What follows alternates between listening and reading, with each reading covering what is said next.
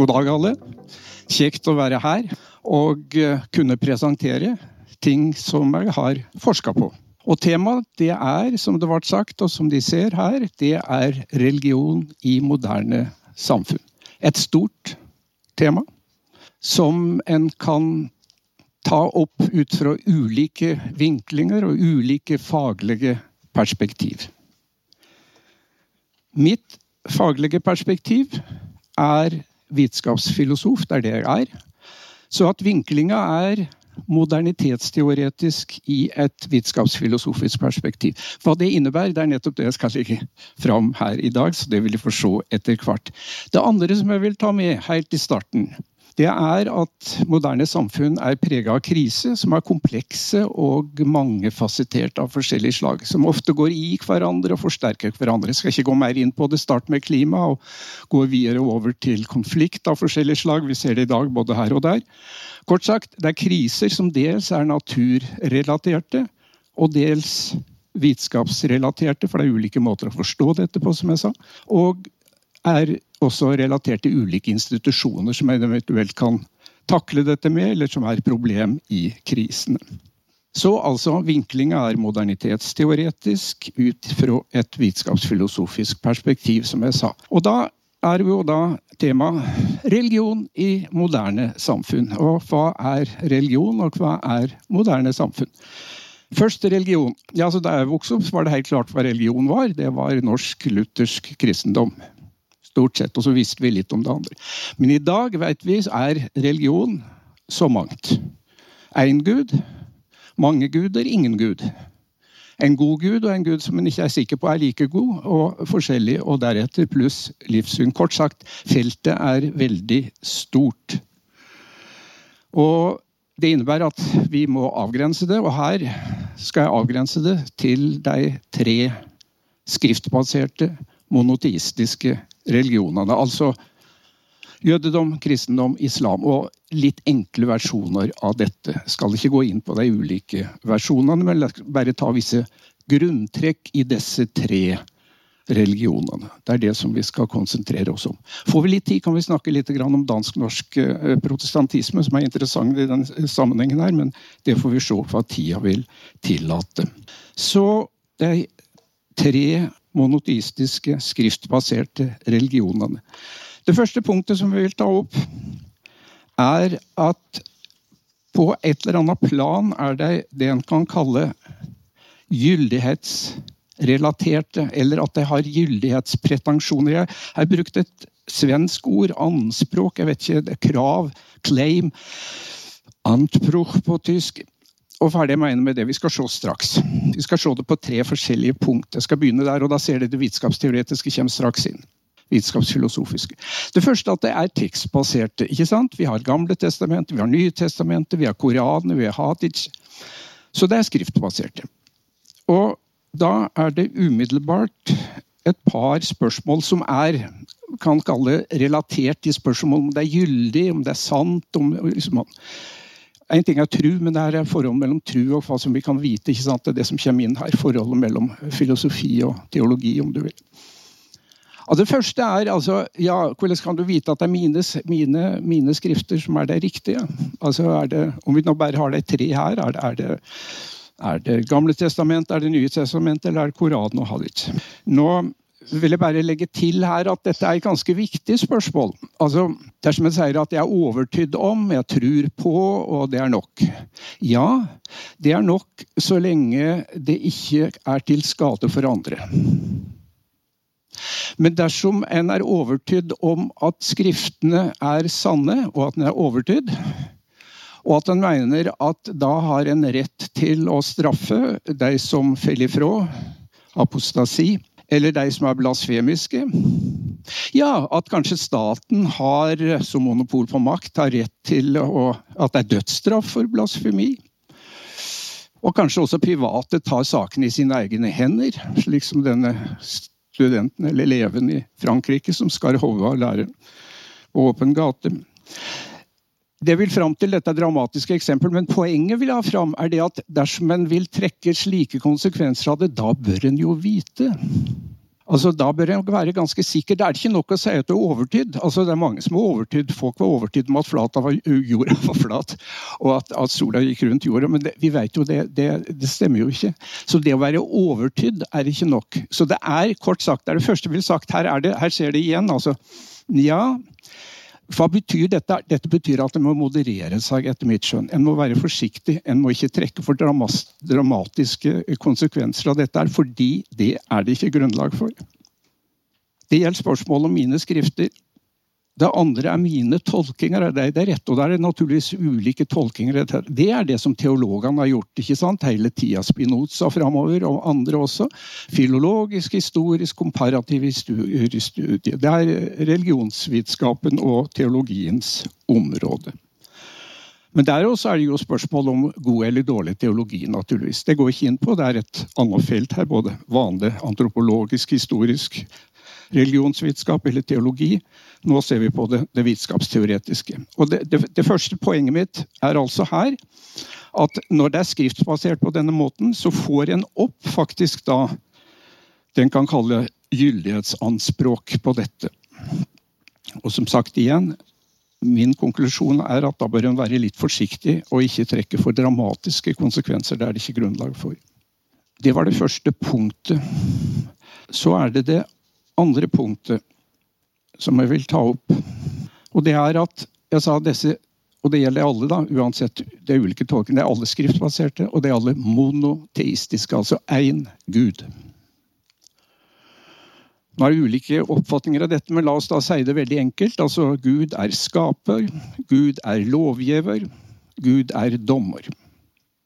Og som vi vet, er det ulike oppfatninger av hvordan dette her skjer, og hva dette går ut på. Men å ha dette som tre stikkord. Skaper, lovgiver, dommer. Og dessuten, i disse tre religionene, så er det på ulik vis også slik at Gud blir sett på som god. Han er ikke vond, han er ingen djevel. Han er en gud. Han vil oss godt, han er barmhjertig. Og han er allmektig. Han, det, altså. Gud er allmektig. Og allvitende. God, allmektig, allvitende. Altså, dette, altså, hva betyr det å være god, og hva er det å være allvitende? Altså, her er det også enorme diskusjoner som har pågått i hundrevis av år, naturligvis, om hver av disse eh, termene her. Men la oss i fall bare ta utgangspunkt i dette, at det, er det monoteistismen, alle disse tre religionene, har dette problemet, dette utgangspunktet. Det er slik Gud blir sett, begrepet. Og da har en og dette er velkjent fra Jobbs bok og framover. Da har en det vondes problem, naturligvis. I 1755 var det uh, jordskjelv og tsunami utenfor uh, Lisboa. Og Det førte til brann, og veldig mange liv gikk tapt. og Det ble et stort spørsmål hvorfor skjedde dette her. Kunne ikke Gud ha latt det være? Kunne en ikke ha unngått det? Når jeg nevner dette her igjen, så er det klart at det er mange vonde ting som ikke er så vonde når vi får tenkt seg om. Av og til kan det være lærerikt, av og til er det pga. vår fri vilje etc. Et Det er mange problem som vi ser som vonde, som ikke er kanskje et problem i denne sammenhengen. Men dette, altså dette Lisboa uh, på 1700-tallet, men la oss også ta Auschwitz. Den jødiske filosofen Hans Jonas sa etter krigen hvor var Guds røyst, Guds reddende hand i Auschwitz for det utvalgte folk. Og Da ser vi da tar det til å bli ganske alvorlig. Israels folk var Guds utvalgte folk. Hva gjorde han da i Auschwitz? Så at dette er, er et problem. Eh, og hva er det det fører til? Naturligvis teologisk bearbeiding av dette her biologisk, teologisk, seriøs tenking. Det er jo et problem en har hatt. En må, en må gå dette igjennom. altså Hva forstand her skal en forstå allmakt osv. Altså begrepet her må en gå, gå igjennom. Dette er eh, både eksistensielt og, og, og, og teologisk et spørsmål. Jeg skal ikke følge det. altså Dette er jo hele teologiens uh, sentraldomene. Men jeg vil også minne om et punkt til i samme uh, kontekst. Og det er det jeg vil kalle utilsikta blasfemi. For dersom jeg nå Jeg vet ikke om de så TV-programmet i går. altså Det er mye rare folk rundt omkring, men det er vel Taliban, da. som uh, herja rundt i, i Afghanistan. Uh, vi har hatt det før med heksebrenning. jeg mener jo alle, altså det er, alle tre monoteistiske religioner, kanskje minst jødedommen, faktisk. Har jo sine skal vi kalle det svin på skogen. Men uh, når, når en altså mener at Gud har gitt en fullmakt til å ta livet av vantru, så får en jo problemet. Det første punktet er ja, i hva forstand er da Gud god? Altså, Er ikke dette nokså sataniske tiltak? Står en ikke da i fare for å omgjøre monoteismen til en monosatanisme? Men djeveldyrking kan vel ikke være det rette? Det må vel være blasfemi? Så mitt poeng her er faktisk at eh, ved litt eh, teologisk ettertanke så kan en si at en del av de som tror det er aller mest fromme, men som tolker det aller mest radikalt, faktisk er de facto blasfemiske. Hva det nå måtte innebære i den konteksten jeg er i. Jeg vil si det også et steg til som kanskje ligger i dette, og da med sånne gyldighetsanspråk, dette her. Altså, det er store kriser her i verden i dag. Klimakrise, alt det det innebærer økologien. Så er det konflikt, og så er det fare for krig. Det kan bli kollaps og, og, og kaos. Altså, her er det, er det, store utfordringer. Altså, da, dersom en tror at det Gud er særlig opptatt av, Allah, eh, Javé, det er eh, hvordan vi går kledd og hva slags eh, menyer vi har på bordet. Når folk svelter og fryser, så er det plutselig om en har silkeslips, eller, hvordan en har det på håret eller uten håret, eller hva slags mat en har. Jeg skjønner jo godt at folk ikke liker å ete gris når en ikke liker å ete eh, rotter og sånt. Altså, det er greit. Men dersom, dersom dette dette er det viktige rådet vi får overfor de krisene vi har. Og så skal vi se hvordan universet ble oppstått. En er ikke engang Darwin, det syns jeg er greit. Men altså, det er jo et ganske brutalt eh, historisk eh, skal vi kalle det, opplegg som har ført oss fram hit i dag. Mye, altså Hva som har skjedd, og i dag, med krisen i dag. Så jeg vil si det at de som hevder at liksom det vesentlige skulle være eh, disse tinga her som har med så å si klesdrakt og, og uh, meny og sånne ting. Greit nok. Men, ja, men dersom dette er det som den som har skapt det hele, og som gir lovene og dommer, er, er, dette liksom det han har å si til oss? Ja, men da står det jo litt dårlig til. Altså, da, da, jo, da har jo vedkommende mista sans for proporsjoner. Altså, så dette er jo å framstille Gud Allah Javé eh, som en dåre. Og det å framstille Gud som en dåre, det må vel være blasfemisk? er det ikke det? Så kort sagt, en skal være forsiktig, fordi at eh, ved ulike former kan en fort ende opp Nettopp de som tror de er mest fromme, kan ende opp med det vi vil kalle utilsikta blasfemi. Det er et begrep som dessverre er for lite framme, men jeg tror det er litt viktig, for det kan moderere oss. Og jeg tror det er i religionens og Vår Herres tjeneste. Så det var det andre punktet. Først skriftbasert, og så monoteistisk. Og så det siste råd og påbud. Nå er det klart, disse skriftene fantastiske skrifter. Alt fra det litterære til livsvisdom etc. etc. Men de er jo tålelig gamle. skal vi si. 3000, 2000, 1500 år. altså Gamle testamentet, Nye testamentet, Koranen, Hadid. Og Det som da naturligvis, og det ser jo alle, det er en del av teologien, det er derfor teologien på en måte er en videreutvikling av, av åpenværinga, vil man kunne si. Det kommer etter en historisk prosess. Men det en kan slå fast uten dramatikk, er at det naturligvis er lite å hente i så gamle skrifter om moderne, vitenskapsrelaterte og institusjonsrelaterte utfordringer som vi har i dag og også om presserende naturrelaterte utfordringer, slik som regional overbefolkning. Dette fører kanskje også over til en ting til som da er litt viktig, og det viser altså hvordan det vitenskapsteoretiske som er vår lagna i dag Vi ser, stykke, vi ser stykkevis og dis. Vitenskapen er jo ikke Guds øye, ikke sant, som ser alle ting fra alle sider samtidig. Vitenskapen ser, altså Økonomen ser visse ting, juristen ser visse ting, psykologen ser visse ting, om det samme, f.eks. om det moderne ekteskap.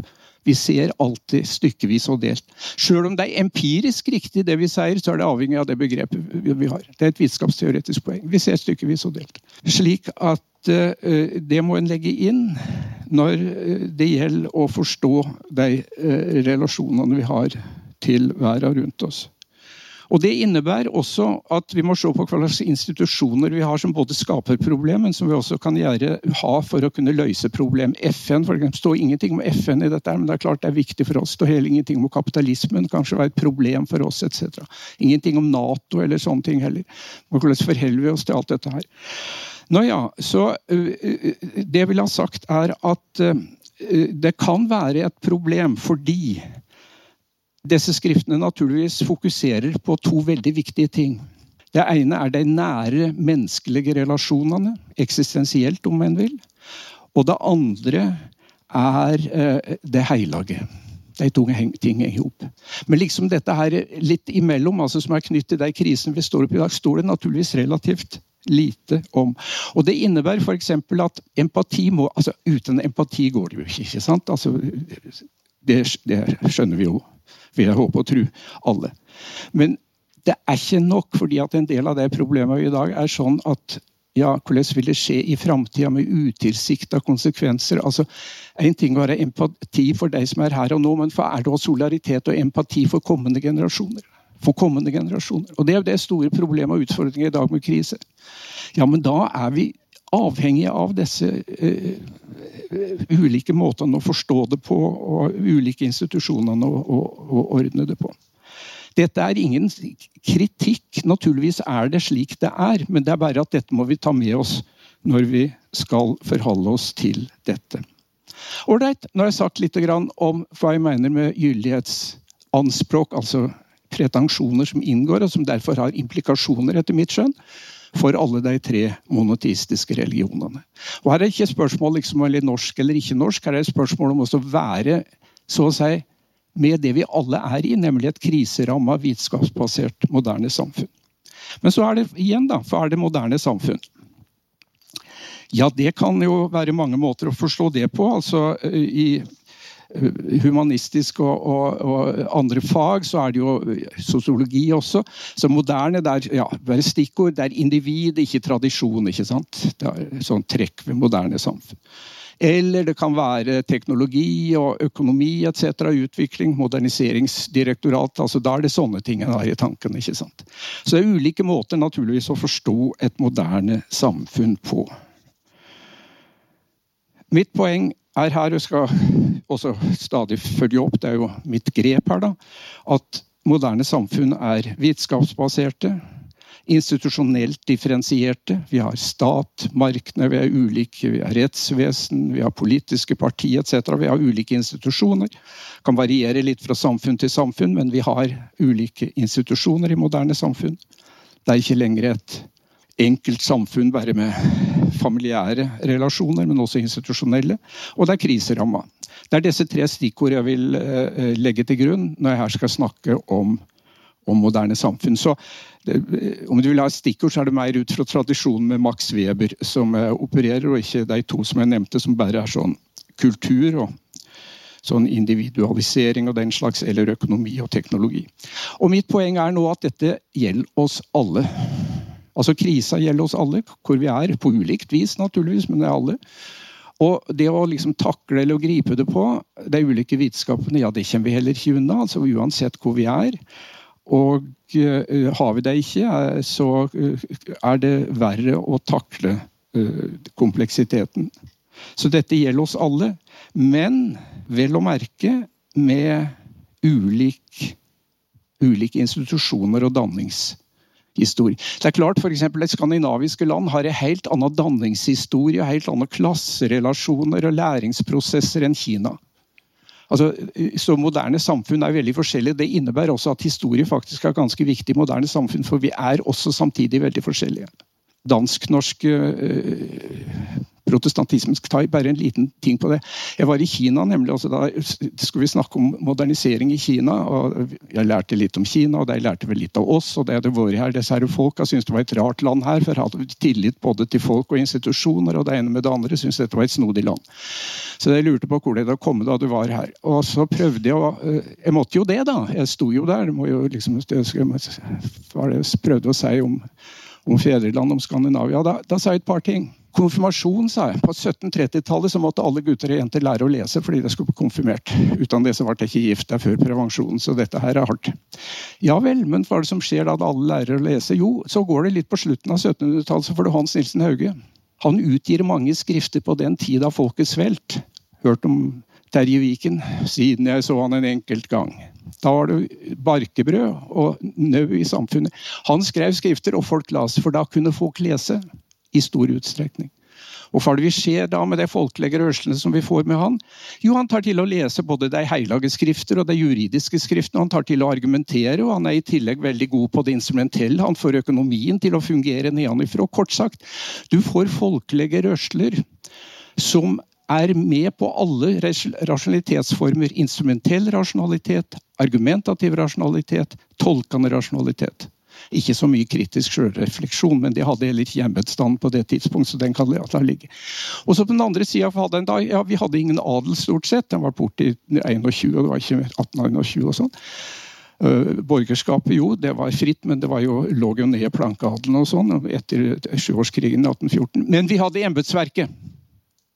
Og En teolog den gang måtte kunne gresk, latin og hebraisk. Det er ikke medfødt, det er ikke arvelig, og det kan du ikke kjøpe. Så vi hadde et embetsverk, akkurat som i Prøysen og i Kina, av folk som fikk jobb fordi de hadde tatt en eksamen. På et universitet der de gikk sammen med andre som sa ting og sa hadde dumme ting, så lo de av det. Så var det også sivilisatorisk. Ender opp med Per og Inge Lønning, om du spør meg. Det er ikke som å ha sånn teologisk eh, eh, fakultet downtown Houston. Ålreit, så får du en embetsverk ovenifra, og så får du de folkelige rørslene nedenifra. Og så får du dialektikken mellom disse. Og det går ikke ut av de offentlige institusjonene. Ikke ut av kirka, de er i Stortinget, de er i kommunestyret.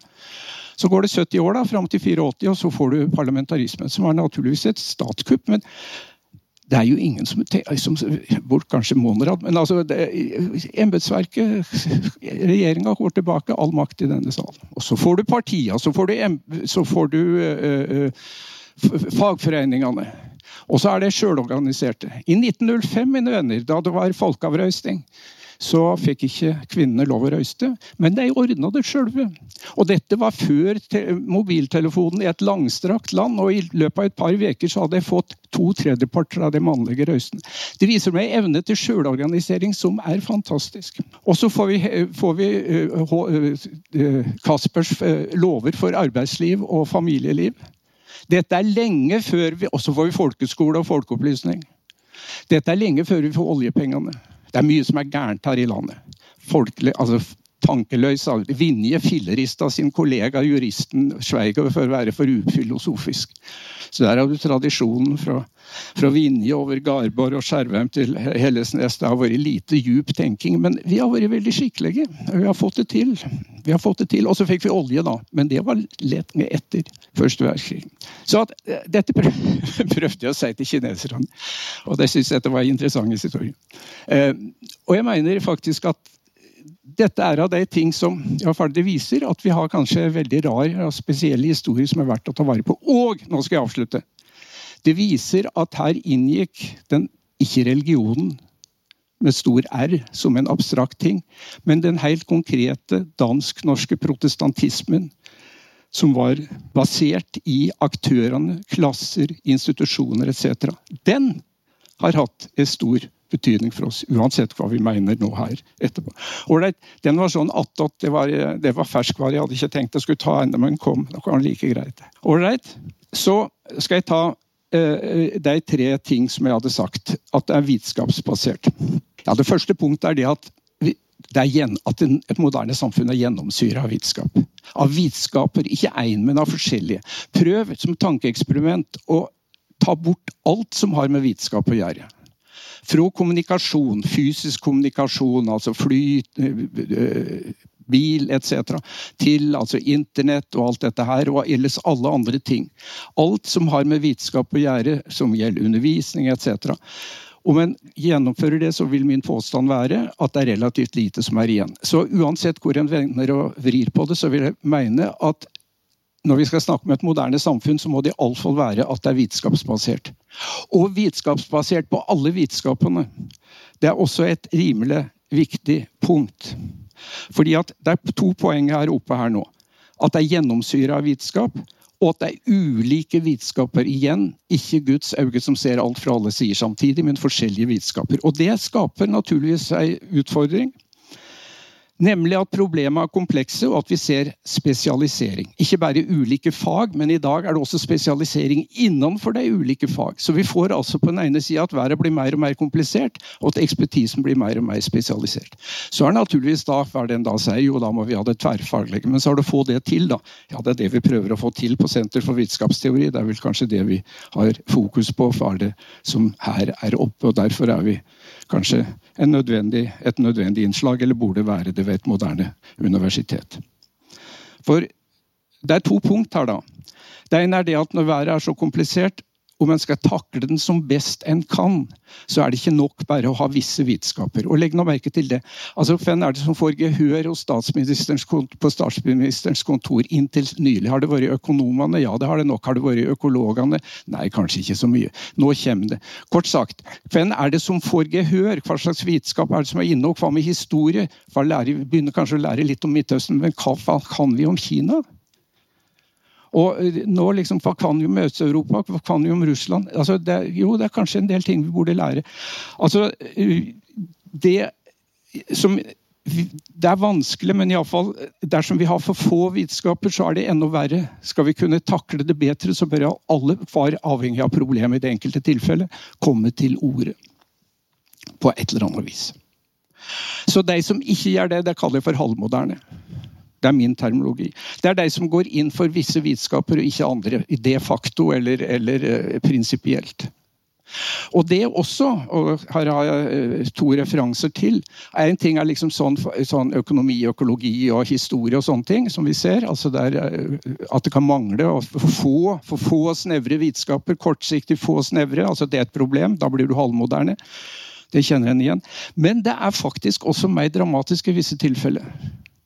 Altså, Da eh, det uh, muslimske brorskap ble eh, etablert i, i, Egypt av Albana, så var han veldig for teknologi og naturvitenskap. Jeg sier ikke Darwin, men iallfall vanlig naturvitenskap. Eller fysikk og greier. Kjemi og sånt. Men samfunnsvitenskap og humaniora, nei, altså det likte han ikke. For der lå det jo naturligvis maktkritikk og religionskritikk, så det ville han ikke ha så mye av. Og da ser vi også kanskje det de kjenner igjen, de som så på filmen om Taliban, altså om ISIS også. Det du får, altså ISIS er jo veldig flinke på kommunikasjon om moderne våpen. Det har jo ikke fått uh, enkle atomvåpen og biokjemiske og kjemiske våpen ennå, men altså det er veldig gode på naturvitenskap. Men det er jo ikke akkurat så veldig sterke da, når det gjelder sånn uh, sjølkritikk og argumentasjon. altså Dersom moderne samfunn er det å kunne diskutere og, se ulike sider etc. Så der ser vi at det kanskje er ganske, ganske ille. La meg også nevne Nato fra 90-tallet, altså det nye Nato. da, Når en ikke bare skulle forsvare seg, men en skulle intervenere i andre land og forandre regimet etc. Ja, men det var jo ikke særlig vellykka det jeg starta med, og det har kanskje også med mange ting å gjøre, men det har kanskje også med det at du forandrer ikke et samfunn ved å gå inn militært. Altså, det er for enkel ekspertise og for enkle tiltak. Altså, I Afghanistan, Irak, Libya. En burde kanskje vite altså, Fredrik Barth, sosialantropologen som kjente Afghanistan, sa ja, men altså, dette altså, Vær forsiktig. Det mangler kanskje også der en viss type ekspertise som gjør at en kanskje skulle være litt mer forsiktig enn en hadde vært. Så nå ser en også at dette her er ikke bare utfordringer, det er kanskje også litt sånn dramatiske ting. Så det der å være halvmoderne, mine venner, det er en ting som en kanskje skal være litt, eh, litt var med. Sant? Så når de ser det halvmoderne, så mm, ja.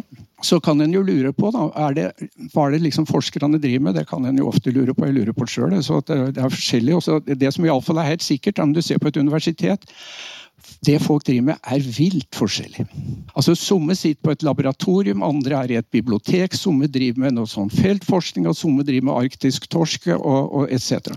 De driver med veldig forskjellige ting, har veldig forskjellige administrative og finansielle vilkår. Vilt forskjellig. Men hva er det alle har felles?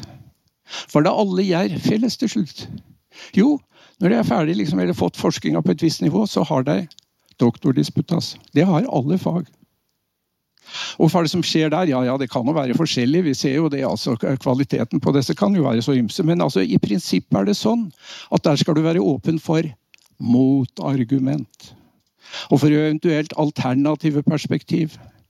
John Stuart Mill sa en gang at vi som er feilbarlige, vi er avhengig av å høre på motargument for å vite at vi har tilstrekkelig rett til å kunne handle ut fra det vi tror er rett. Dersom vi ikke kjenner motargumenter mot våre egne standpunkt, hvordan skal vi da vite at vi har rett? Ja, ta den. Hvordan kan du vite at du er rett dersom du ikke kjenner motargument? Nå er det veldig mange standpunkt der det regner ute i dag. ja det vet vi når Det regner og sånt. Det er, er mye som vi ikke liksom, trenger å argumentere også Men når det gjelder ting som liksom er litt sånn usikre av forskjellige slag Ja, men altså Ja. Øh, dersom du ikke vil eller øh, kan høre på motargument, da kan du aldri være sikker.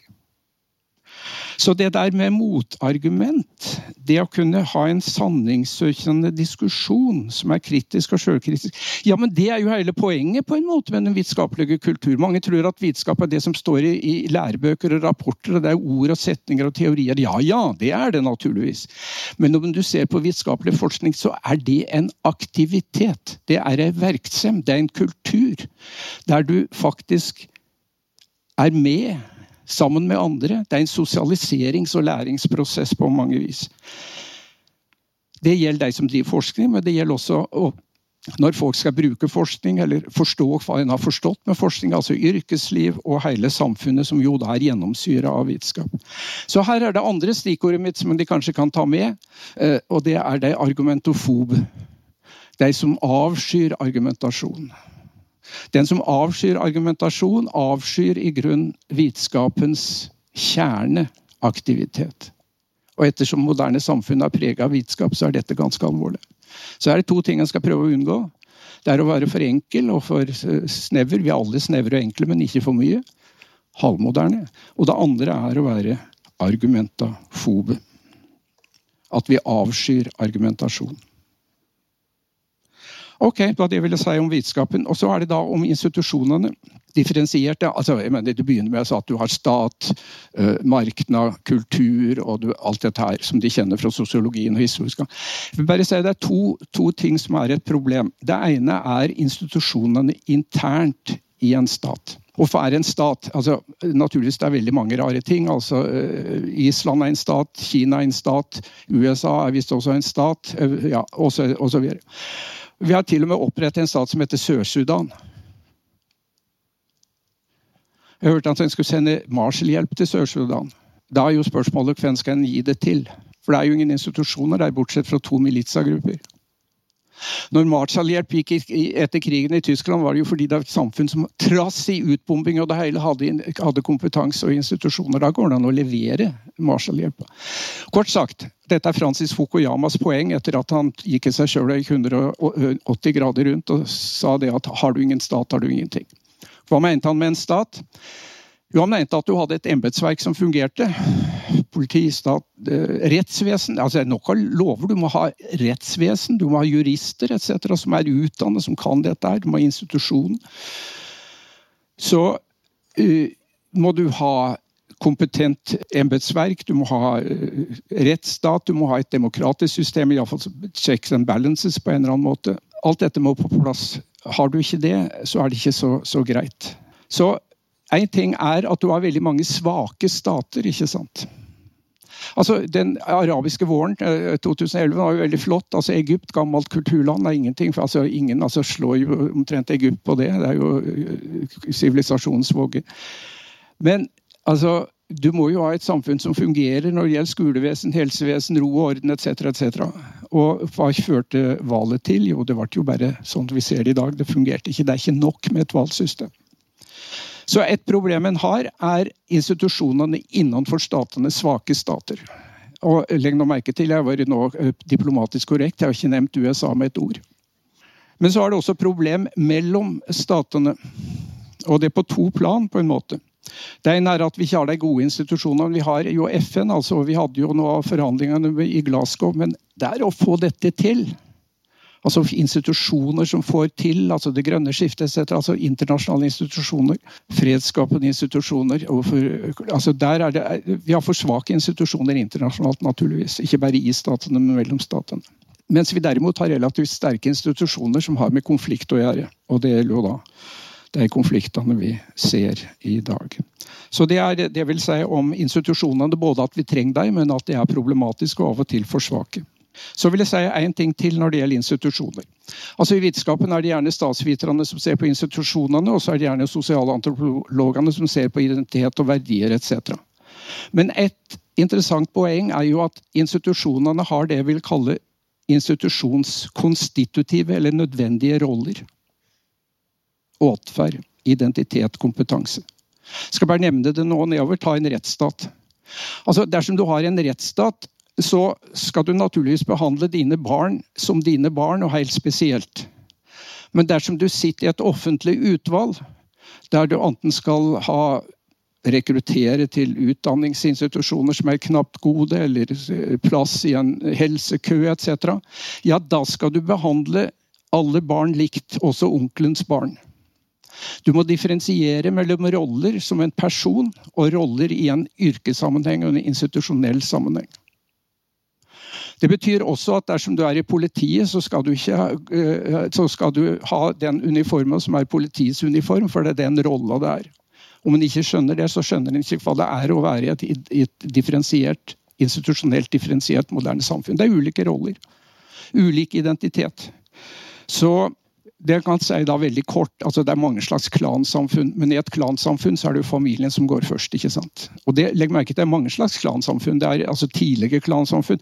Men altså Libanon er jo også et klansamfunn. Det er også uh, Europas opphav. ikke sant? Uh, Føniserne, alfabet virkelig, Det hele, det er ingenting i veien for det, men det er jo et klansamfunn der det er tre konfesjoner som skal, skal liksom ordne opp det hele.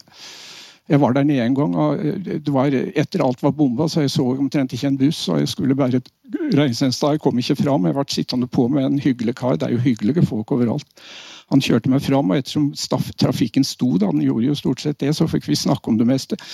Han, eh, han var fra Beirut og hadde vært 30 år i USA, var tilbake og syntes det var veldig kjekt å være tilbake i Libanon. For som han sa, der betalte han ikke skatt. Å, tenkte jeg. Der betalte han ikke skatt. Nei.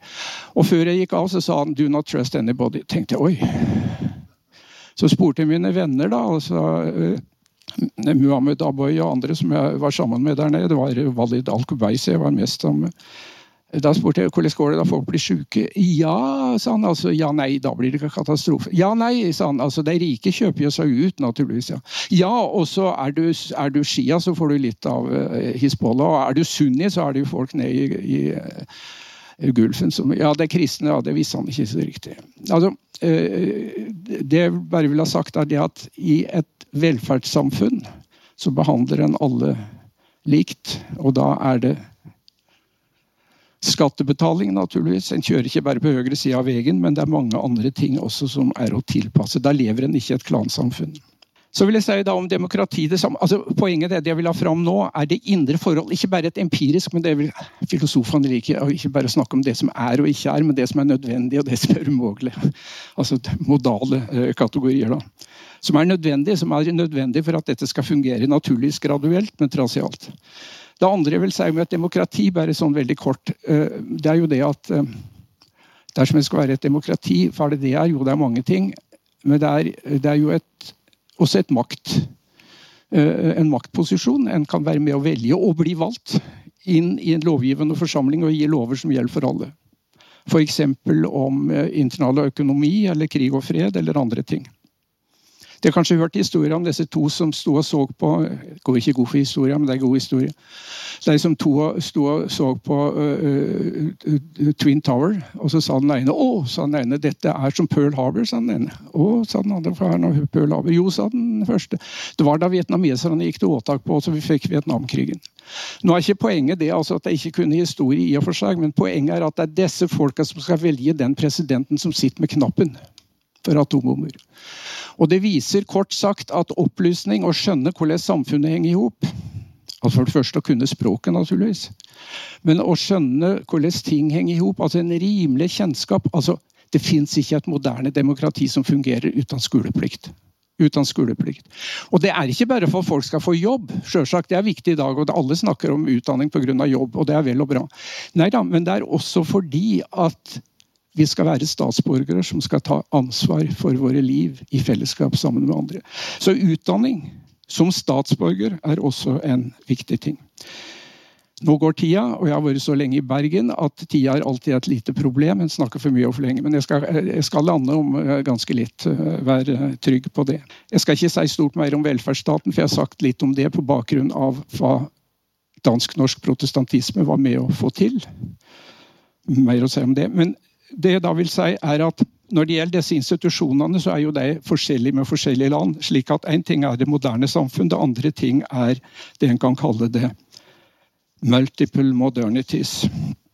Så nå vil jeg ta det litt mer raskt, for jeg har nå gått igjennom det meste. Bare samle det opp. Altså jeg vil si at Moderne samfunn er vitenskapsbaserte, som jeg har sagt. At det er institusjonelt differensierte, som jeg har sagt. Og som jeg sa innledningsvis, at det er kriseramma, at det gjelder mange plan, natur, institusjoner og vitenskap. Så vil jeg bare avrunde da med å si at denne boka som jeg da nedkom med, den er skriven også med tanke på at folk har dårlig tid. Så jeg har valgt å skrive kompakt. Og så har jeg mange noter som de som vil gå med etter, og få mer forklaring og referanser der. Og Den har da fire deler, denne boka, og tolv kapittel. Det første gjelder vitenskap og religion. Det andre gjelder rettsstaten, der ytringsfrihet og krenking og ulike former for krenking. Der jeg argumenterer for at det ikke bare er krenking ved at folk blir lei seg, men den kanskje den verste krenkinga er at folk blir så indoktrinert at de ikke kommer ut av det igjen. Og det er det få som snakker om. Det er verre. Og så er det den nordiske velferdsstaten og hva vi gjør med den. og sånn, Jeg snakket også litt om det. Og så er det aller siste, og det er det poenget jeg skal avrunde med, og det er religion som sosial integrasjon. Og Det er et litt sånn artig punkt som er mye diskutert. og Vi har jo fått en ny lov nå som de kanskje har fått med dere, nemlig om trossamfunn. Hva nå det er. Det blir definert da ut fra medlemskap på måten du er organisert på, stort sett. Altså, vi har sett at er både, religion er et vanskelig omgrep, og, og, livssyn kommer jo i tillegg, så det er jo komplekst. Men så lenge vi har oljepengene, så går jo det her. Men det er et komplisert eh, problem, og spørsmålet er hvor bærekraftig det er. Men det vil si sånn avslutningsvis, og det er fordi at dette er en diskusjon som går, og det er et veldig viktig punkt, og det er et viktig punkt at sosiologien går tilbake til Dyrkheim og andre folk som driver med sosiologi, nemlig at religion blir sett på som et lim i samfunnet. Som sosial integrasjon. Og uh, Jørgen Habermas på sine eldre år, han ble 90 år, da utga ei bok. Han er tysk professor, 1700 sider. Og det var da om historikken for sosial integrasjon. Han argumenterer for at, sosial, at religion er en viktig faktor i sosial integrasjon. Det er vesentlig vesentlig kristendom han snakker om, mindre de andre, men det er et uh, uhyre lærd og viktig verk. Og Det er som sagt også den type argumentasjon som ligger under en del av de ordningene vi har med den såkalte støttende religionspolitikken vi har her i landet. Men så er det en litt yngre kar som heter Kuru, Ahmed Kuru, som eh, skal ta en veldig kort runde på. Han var en litt sånn artig kar. Han kom fra et uh, mer ortodoks muslimsk, intellektuelt og politisk oppegående miljø i Tyrkia. Da han var 17 år, så kom han ned til frokost, og så var faren groggy. Var ikke i godt slag. Spurte han hva som hadde skjedd. Det står på første side i forordet. Jo, det hadde hatt middagsgjester dagen før. Å oh, ja. ja vel. Det var, det en general der. Å oh, ja. Jo. Og generalen var kamalist, altså eh, fra Kemal Atatürk. Han var sekularist. Og denne generalen hadde sagt at det sto dårlige ting med det muslimske landet, at det var protestantismen som førte hver av moderniteten framover, og det mislikte faren. Så fikk den unge mannen et problem som han har jobbet med senere. Han er i dag professor i sosialvitenskap i California. Så skrev han ei bok og Det interessante er at han, i motsetning til Habermas, den gamle marxisten som ikke snakker så mye om klasse, denne muslimske, liberale filosofen sier at problemet er klasserelasjonene. Om en ser på islam, så fungerer den veldig godt fra 700 til 1050 omtrent. Så det er ikke islam som er et problem med moderniseringa. Nei da, den fungerte veldig bra. Men da ja, så er det mange som sier at det var Vesten som undertrykte liksom. Nei, men problemet med islam og muslimske land, sier Kuru, det setter inn før de vestlige maktene, oppdagingene som det heter, og alt dette kom på banen. For hva var det da? Jo, klasserelasjonene, sier Kuru. For så lenge den militære makt og den religiøse makt var relativt atskilte, så kunne både næringsliv og det intellektuelle fungere. Det er disse fire klassene han opererer med. Det militære, det militære leirskapet, den religiøse, næringslivet og det intellektuelle. Men det som skjer, og som er problemet, sier han Jeg går han ikke etter og er ikke historiker, men det er interessant. Han sier at det som skjer, er at det skjer en allianse mellom det militære og det religiøse. Hva er det vi har i Iran? Hva er det vi har i Saudi-Arabia? Hva er det Erdogan prøver? Og det han sier da, er at da skjer det en sånn sklerose, slik at det intellektuelle ikke får drive som de ville. Og at heller ikke næringslivet får drive som han ville. Så han bruker klassekonstellasjonen faktisk til argumentasjon, ikke for marxisme, men for liberalitet. Det interessante poenget, synes jeg, bortsett fra altså at han er yngre kar og uh, muslim Habermas sier lite om den delen av religionen. Og Habermas opererer som tysk filosof på et relativt abstrakt nivå. Men her får en det.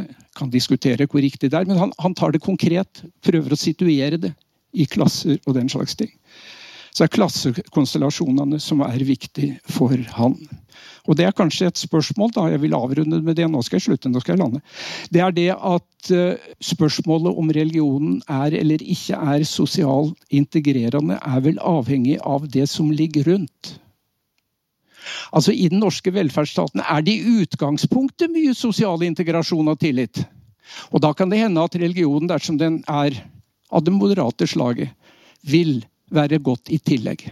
Men det fins jo mange former for religion som er med å skape splid. Og det kan vel også være gode religioner som er i en kontekst av krig og konflikt, der det ikke fungerer fordi at omlandet ikke er slik. Så igjen er det kompleksiteten. Når vi ser kompleksiteten og ulike perspektiv, så får en kanskje et annet bilde på det. Ok, nå går jeg inn for landing så langt der. En blir aldri ferdig, men altså vi kan bli ferdige. Og Det som jeg kanskje vil si etter alt dette her For det første så tror jeg at det vitenskapsfilosofiske og modernitetsteoretiske perspektivet er viktig å ha med. Det pluss alt det andre. Alle må snakke med sitt nebb, men at det også er et viktig aspekt. Både med tanke på krise generelt, men også med tanke på religion i moderne samfunn. Og så vil jeg si dette her. Hva det kanskje ville ha sett mer av? Og Det første er kanskje religiøsitet som undring. Undring over at vi er her. Det er jo veldig rart. At vi er. Ikke hvordan vi er, men at vi er. Og at været er altså jeg mener, jeg, ting, jeg har jo fysiologi og anatomi, jeg skjønner jo hvordan et barn blir født, men altså, jeg syns det er et mirakel hver gang en unge blir født og blir et menneske. Altså Det at vi er her, altså undring, altså det er en dimensjon. Når den er borte, så blir vi flate. Så det er kanskje det, det første ville sagt, den eksistensielle og kosmologiske undring. Og det andre er teologi som seriøs vitenskapelig virksomhet. Altså, vi har vært rimelig heldige, vi. Altså, jeg mener, hatt det så tikka godt. altså Endt opp som jeg sa med Per og Inge Lønning. Altså, men det er jo ikke alle som har hatt det like, like bra. Så at uh, teologien som en skikkelig eh, seriøs sjølkritisk vitenskap, den, den, skal en ikke kimse av. Den er modererende og, og fornuftsskapende og også verdibevarende. Og det siste jeg vil si, det er det vi kaller eh, religiøse språkhandlinger. Jeg sier ikke bare språk, men språkhandlinger. Som eh, målbærer respekt og ærefrykt for sårbart liv. Takk for at de hørte på.